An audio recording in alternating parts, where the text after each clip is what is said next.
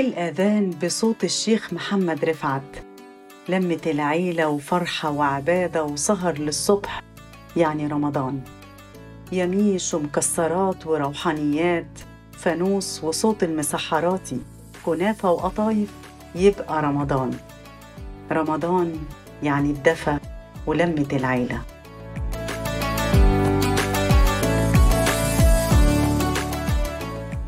اعتدنا لسنوات طويلة على سماع هذا الصوت من الإذاعة المصرية عند اقتراب رفع الآذان استعدادا لتناول الإفطار في شهر رمضان. هي الجملة التي ينتظرها ملايين المسلمين حول العالم عند مغيب شمس كل يوم من أيام رمضان، وبطل هذه الجملة هو مدفع الإفطار الذي ارتبط صوته في وجدان المسلمين وخاصة في مصر باجتماع شمل العائلة والدفء الأسري. من أين جاءت فكرة مدفع رمضان؟ وكيف انتقلت إلى مختلف الدول العربية؟ لبداية ظهور مدفع رمضان ودوره في حياة المصريين قصص طريفة. فالقاهرة تعتبر هي أول مدينة ينطلق فيها مدفع رمضان. ولهذه البداية عدة روايات تاريخية. تعود الرواية الأولى إلى عام 859 هجرية.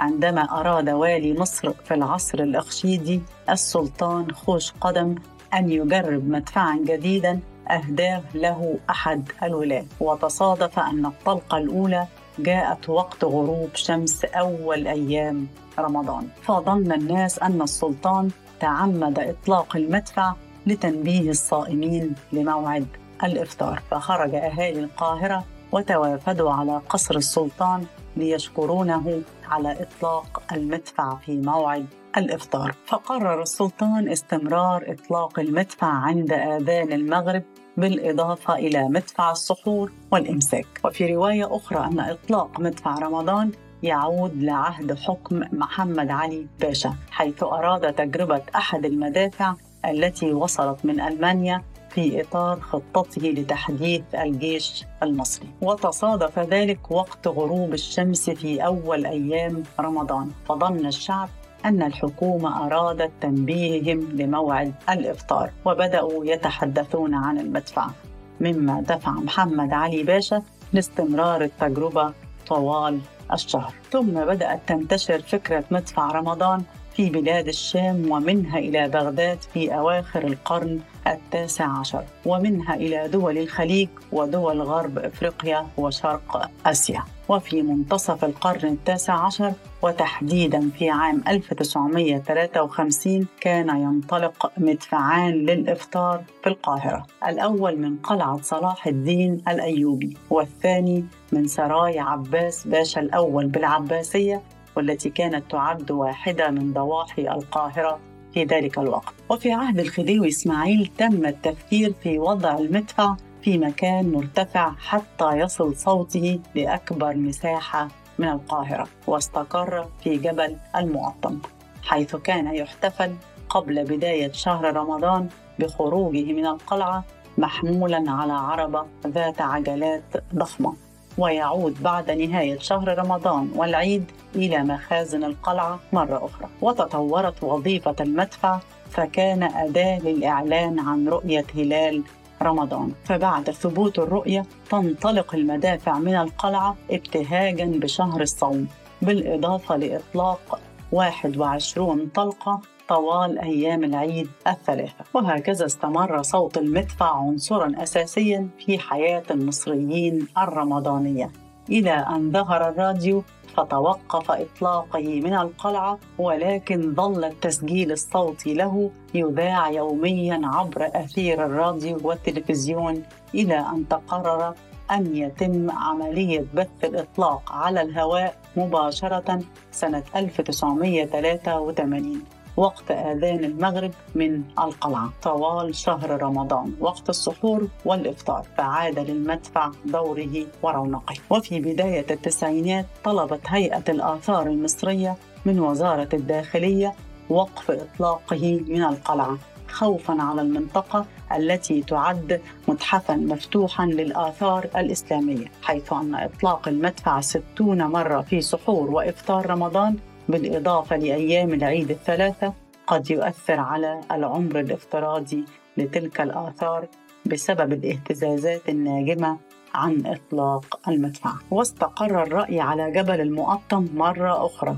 حيث تم نقل مدفعين من المدافع الثلاثة الباقية من أسرة محمد علي إلى هناك وتم الإبقاء على المدفع الثالث كمعلم سياحي في ساحة متحف الشرطة بقلعة صلاح الدين. وإلى الآن يظل مدفع الإفطار من تراث رمضان في مصر. وارتبط بهذا التراث صوت الآذان من الحنجرة الذهبية. أحد علامات رمضان المميزة التي حفرت في أذهاننا. الآذان بصوت الشيخ محمد رفعت. عندما سئل الشيخ الشعراوي عن رأيه في أصوات القراء قال إن أردنا أحكام التلاوة فالشيخ الحصري وإن أردنا حلاوة الصوت فالشيخ عبد الباسط عبد الصمد وإن أردنا النفس الطويل مع العذوبة فالشيخ مصطفى إسماعيل وإن أردنا كل ما سبق فهو الشيخ محمد رفعت. ولد محمد رفعت سنة 1882 في حي المغربلين بالقاهرة وفقد بصره وهو في الثانية من عمره. وحفظ القرآن في سن الخامسة حيث التحق بكتاب مسجد فاضل باشا بدرب الجمانيز بالسيدة زينب. ودرس علم القراءات وعلم التفسير والمقامات الموسيقية على أيدي شيوخ عصره. وتولى القراءة بمسجد فاضل باشا بحي السيدة زينب سنة 1918 وهو في سن الخامسة عشرة فبلغ شهرة عظيمة. وهو ما دفع المسؤولين عن الإذاعة المصرية بانتدابه لافتتاح بث الإذاعة سنة 1934 وذلك بعد أن استفتى شيخ الأزهر عن جواز إذاعته القرآن الكريم فأفتى له بجواز ذلك. فافتتحها بتلاوة من أول سورة الفتح إنا فتحنا لك فتحا مبينا وذاع صيت الشيخ محمد رفعت فسمعت به إذاعة بي بي سي البريطانية فأرسلت له وطلبت منه تسجيل القرآن فسجل لهم سورة مريم. لقب الشيخ محمد رفعت بالعديد من الألقاب كالمعجزة كروان الإذاعة الصوت الذهبي والصوت الملائكي. وأصيب الشيخ محمد رفعت بسرطان الحنجرة سنة 1943 وتوقف عن القراءة. ورغم أنه لم يكن يملك تكاليف العلاج إلا أنه اعتذر عن قبول أي مدد أو مساعدة. قائلا كلمته الشهيرة إن قارئ القرآن لا يهان. وانتقل إلى جوار ربه سنة 1950 رحل الشيخ محمد رفعت وظلت حنجرته خالدة. للأبد. ووحوي يا وحوي رمضانكم كريم ودمتم طيبين.